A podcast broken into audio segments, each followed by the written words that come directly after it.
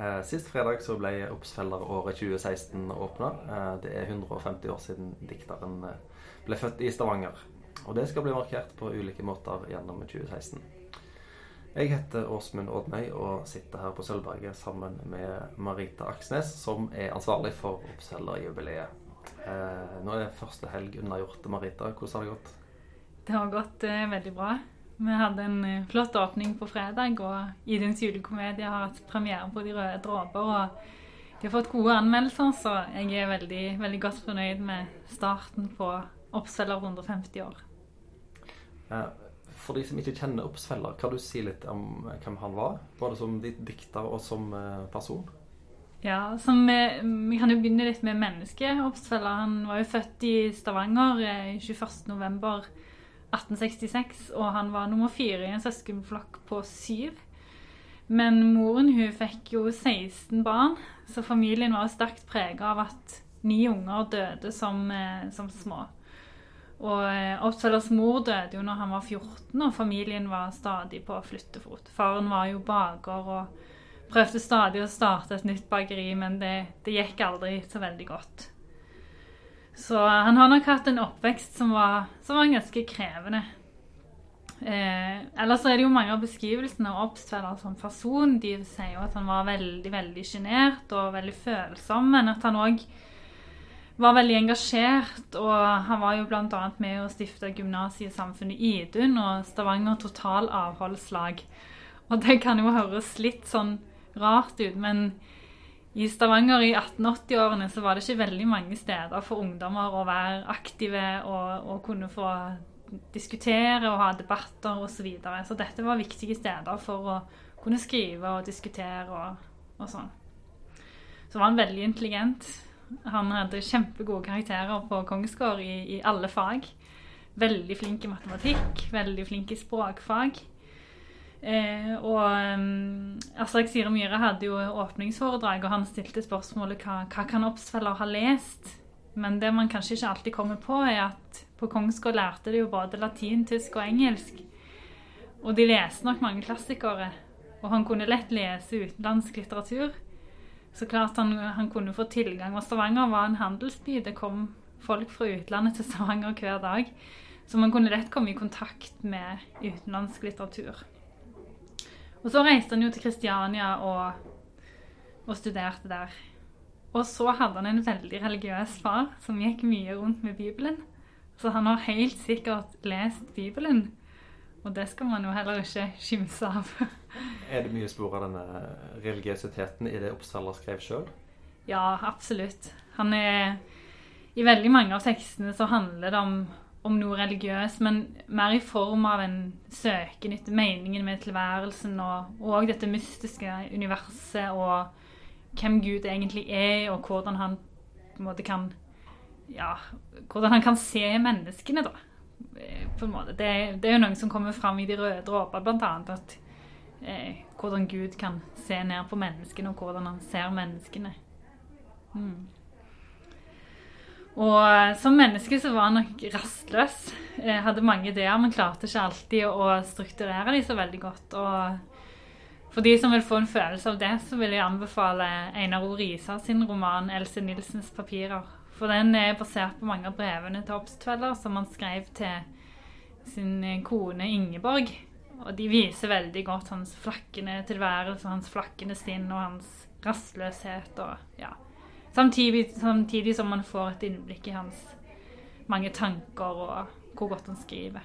Mm. Kan, kan, du plassere Obstfeller eh, i en, eh, i en samtid? Altså, den tida han levde i, hva var den prega av sånn generelt sett?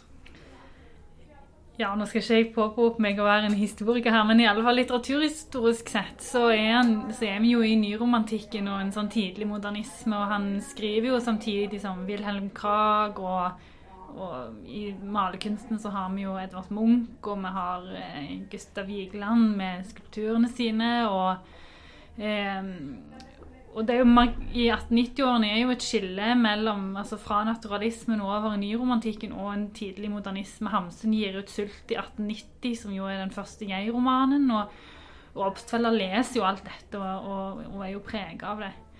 Og, og det er jo en Moderniteten er jo i ferd med å vokse fram. Det blir mer og mer eh, industri, mer og mer teknikk. Og det er jo òg noe Obstfelder er veldig, veldig, opptatt av og veldig inspirert av. Han går jo på Kristiania eh, tekniske fagskole og, og, utdanner seg til ingeniør. Så han, så han, hyller på mange måter teknikken, selv om han nok har blitt lest som en forfatter som er veldig kritisk til byen. Så er han jo en byforfatter. Eh, Oppsvelder har jo det ved seg at han døde veldig tidlig. Og han har jo ikke en så veldig stor produksjon bak seg, som jo eh, Aslak Sira Myhre nevnte på fredag. Hvorfor er det verdt å ha et jubileum for en såpass eh, liten produksjon? Ja, Det spørsmålet har jeg stilt meg sjøl mange ganger og har tenkt mye på når jeg har, har jobbet med å, med å, utforme jubileet. Men eh, Obstfelder er Nordens første modernist. Han skriver dikt som ingen har gjort før han. Eh, og han var veldig fascinert av teknikken, og han trekker teknikken inn i diktningen sin.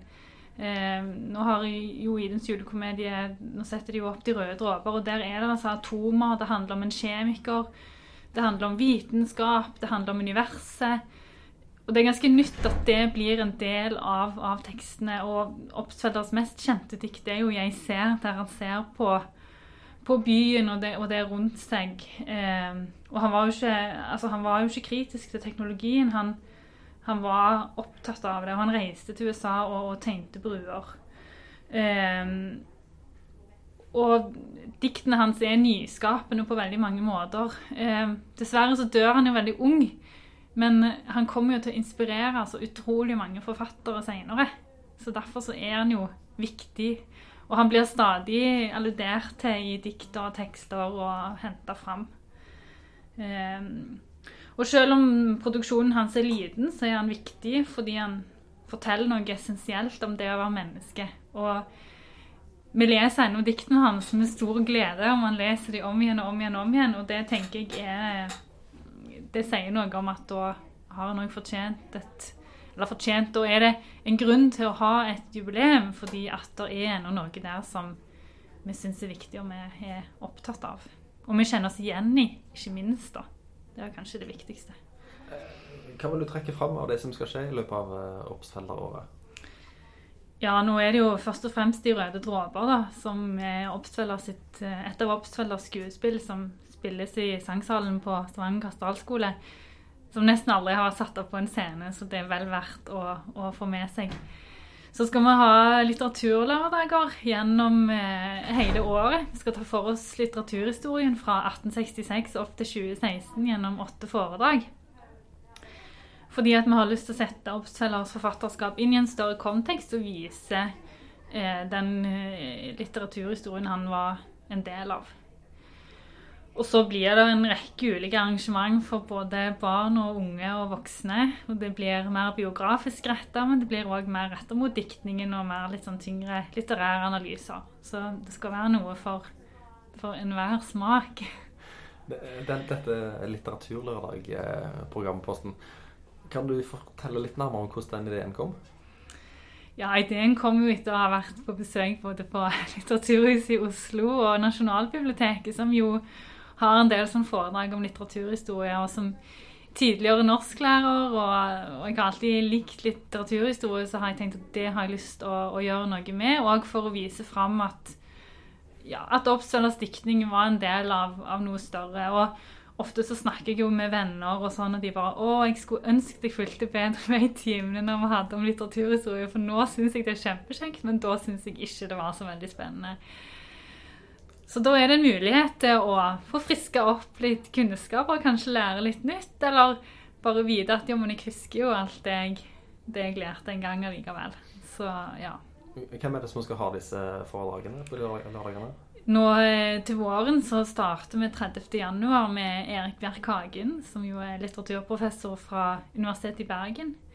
Så i begynnelsen av mars kommer Jørgen Haugan fra Københavns universitet, som bl.a. har skrevet om både Hamsun og Ibsen. Og i april så kommer Grete Fatima Siet, som har skrevet om Olav Duun.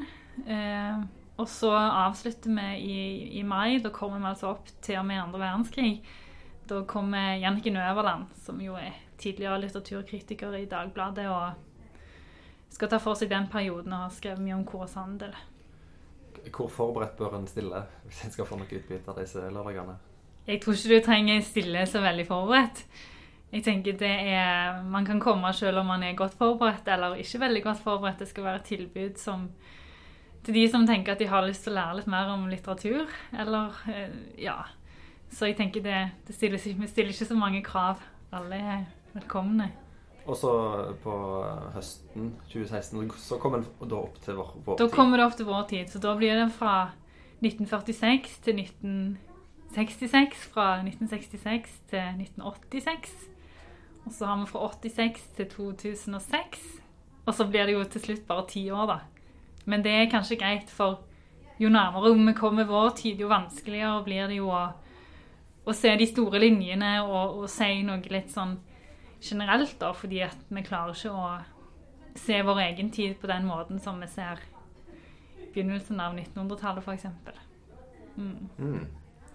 Du har jo jobba med Obsfeller-jubileet i eh, halvannet år, i større og mindre grad. Eh, har du fått deg noen aha-opplevelser underveis?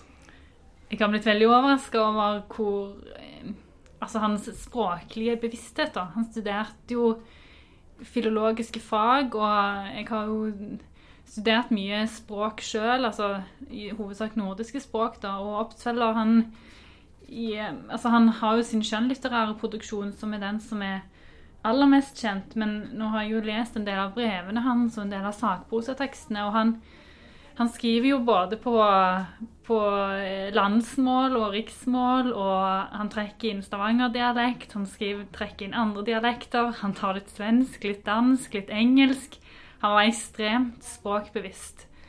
Eh, og han oversatte jo etter hvert sine egne sine egne dikt til fransk fordi han ønsker nå ut til et fransk publikum. Og så har jeg jo blitt overraska over at jeg ikke har gått lei. Snarere tvert imot. Jeg har bare syntes det har blitt mer og mer interessant jo mer jeg har begynt å jobbe med det. Og, og han har så mange fine sitat som er så lite kjent. Så han er jo absolutt en fantastisk merkevare for Stavanger når det gjelder å finne liksom, de, gode, de gode små tekstene som vi kan bruke i ulike sammenhenger.